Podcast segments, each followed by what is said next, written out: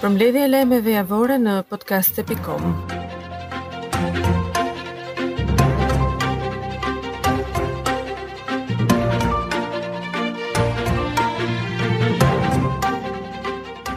Në ditën e dytë të vizitës së tij zyrtare në Tiranë, zëvendës ndihmës sekretari amerikan i Shtetit, Gabriel Escobar, është pritur nga kryetari i autorizuar i Partisë Demokratike Enkelejd Alibeaj, sekretari i përgjithshëm Gazmend Bardhi si dhe deputetë të kësaj force politike. Në qendër të diskutimeve kanë qenë zhvillimet politike në vend si dhe zgjedhjet lokale të katërmbëdhjetë majit. Ndërkohë, po këtë të mërkurë Escobar është pritur edhe nga ministrja e Jashtme, Olta Xhaçka. Teksa në fokus të bisedës ishte edhe forcimi i mëtejshëm i sigurisë dhe qëndrueshmërisë në rajon në kontekstin e situatës së sigurisë në Evropë. Komisioni Qendror i Zgjedhjeve ka vendosur të dërgojë në Prokurori të Përgjithshme për hetim të thelluar emrat e 30 kandidatëve për zgjedhjet lokale të 14 majit. KQZ ka konstatuar në formularët e deklarimit të tyre se ndaj këtyre kandidatëve janë marrë masa shtrënguese nga vende të huaja, e për këtë është përgjegjësi e Prokurorisë së Përgjithshme të hetojë për ta, nëse janë apo jo në kushtet e ndalimit të kandidimit. Mes emrave të dërguar për hetim të thelluar janë edhe dy kandidatët për të cilët kërkohet nga Partia Demokratike t'u ndalohet gara, Përkatësisht, Qerim Ismaili, kandidat i Partisë Socialiste për kryetar bashkie në Mallakastër dhe Kreshnik Hajdari për Bashkinë Kuçovë. Ndërkohë po ashtu është dërguar për verifikim edhe kandidati i ankimuar nga Partia Socialiste Rezart Tusha i koalicionit Bashkë Fitojmë për Bashkinë Shijak, komisioneri Celibashi, u shpreh se mes emrave që dërgohen për verifikim janë edhe ata të cilët kanë deklaruar masa shtrënguese, por edhe ata që sipas partive politike kanë fshehur dënimet e marra.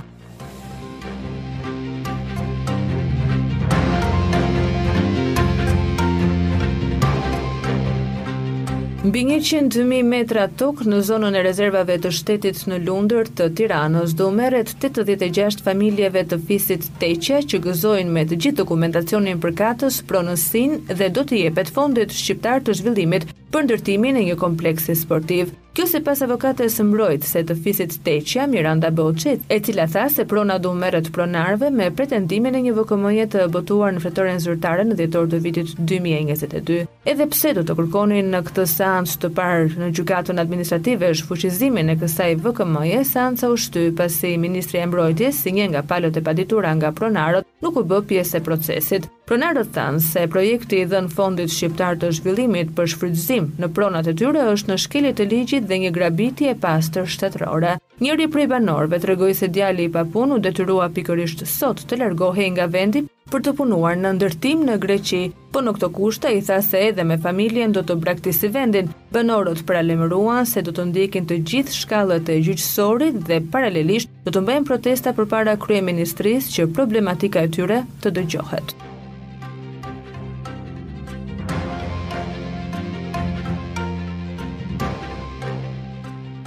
Detaje të reja janë bërë me dije sa i takon shpërthimit me tritol që u regjistrua në mjetin e kreut të degës së Rithemelimit në Vaun e Dejës, ku sipas burimeve bëhet me dije se aty është vendosur rreth pesëdhjetë gram tritol. Ky është konkluzioni i arritur nga forcat xhenio pas ekspertimit të mjetit që shpërtheu një ditë më parë. Nga ana tjetër, për ngjarjen e rëndë ku Benard Ndrecës i bënë atentat me tritol në mjetin e tij, në Policinë e Shkodrës janë shoqëruar gjashtë persona, të cilët janë marrë në pyetje. Sa i takon dinamikës së ngjarjes, autorët dyshohen të ketë qenë dy persona, të cilët të martën në mëngjes hynë në oborrin e shtëpisë së kryetarit të Rithemelimit në Vaun e Dejës, Benard Ndreca, dhe vendosën tritol në makinën e tij. Pas disa orësh, Ndreca hyri në mjetin e tij tip Audi për të nisur punën, por sapo lëvizi mjetin, sasia e tritolit e vendosur aty shpërtheu. Sipas dyshimeve, autorët kanë bërë një shpërthim me telekomandë, teksa kanë qenë të fshehur pranë banesës në fjalë. Përpara oficerëve të Policisë Gjyqësore, Ndreca thotë se nuk ka asnjë konflikt dhe u shpreh që atentati ka motive politike. Sa i takon kësaj ngjarje, ka patur reagime të shumta nga të dy krahët politikë që kanë dënuar aktin e rëndë dhe kanë kërkuar zbardhjen e ngjarjes.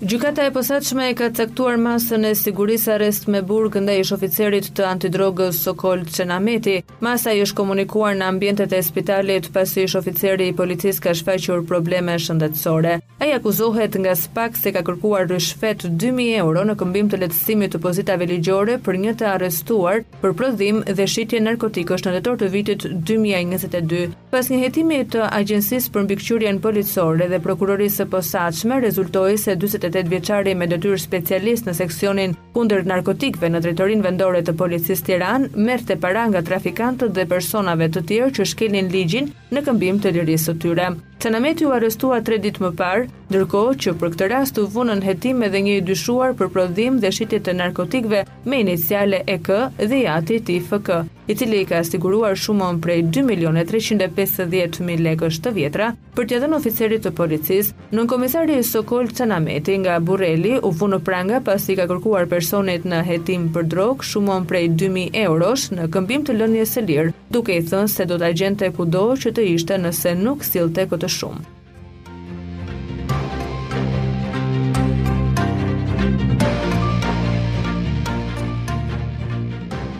Sali Berisha dhe Ilir Meta kanë hapur zyrtarisht punimet për fushatën zgjedhore të 14 majit në stadiumin Air Albania. Koalicioni i tyre i quajtur Bashkë Fitojmë prezantoi kandidatët për 61 bashki të vendit. Partia Socialiste e ka hapur pak ditë më parë në Tiranë me një organizim modest dhe me në qendër mbjelljen e pemëve, strategjia e re e të majtëve në këto zgjedhje. Ndërkohë Partia Demokratike zyrtare, e drejtuar nga Enkelejd Alibeaj, ka caktuar tetëmbëdhjetë prillin për hapjen e fushatës. Siç shihet nga pamjet, pjesëmarrja në shkallët e stadiumit është e konsiderueshme. Air Albania është zgjedhur pikërisht për simbolin që mbart sepse edhe Kuvendi i parë i Sali Berishës me demokratët drejt rithemelimit është zhvilluar në këtë stadium. Sali Berisha ka vendosur që në këto zgjedhje të kandidojnë disa nga deputetët e Partisë Demokratike, si Belind Këlliçi për Tiranën dhe Luçiano Boçi për Elbasanin.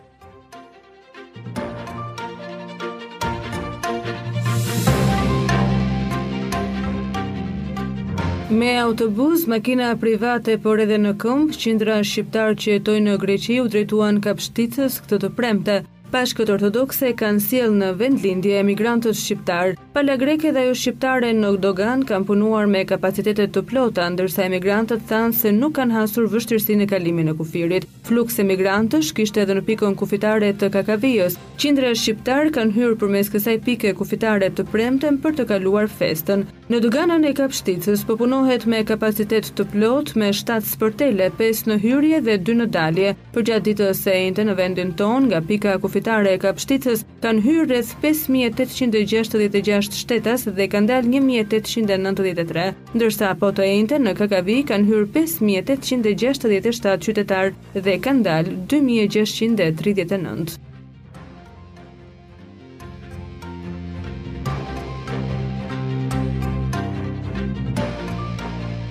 Ish-kryebashkiaku i Bulqizës Lefter Alla është lënë në burg këtë të premte me një vendim nga apeli i GJKKO pas ankimit të bërë disa ditë më parë. Në një deklaratë për mediat, avokati i tij tha se pas drejtësisë shqiptare, ata do t'i drejtohen gjykatës së Strasburgut, ku theksoi se gjendja shëndetsore e klientit të tij është e rënduar së fundmi. Lidhur me deklaratën e Allës se arrestimi i tij është politik, avokati tha se nuk ka tagër që të flasë mbi këtë çështje.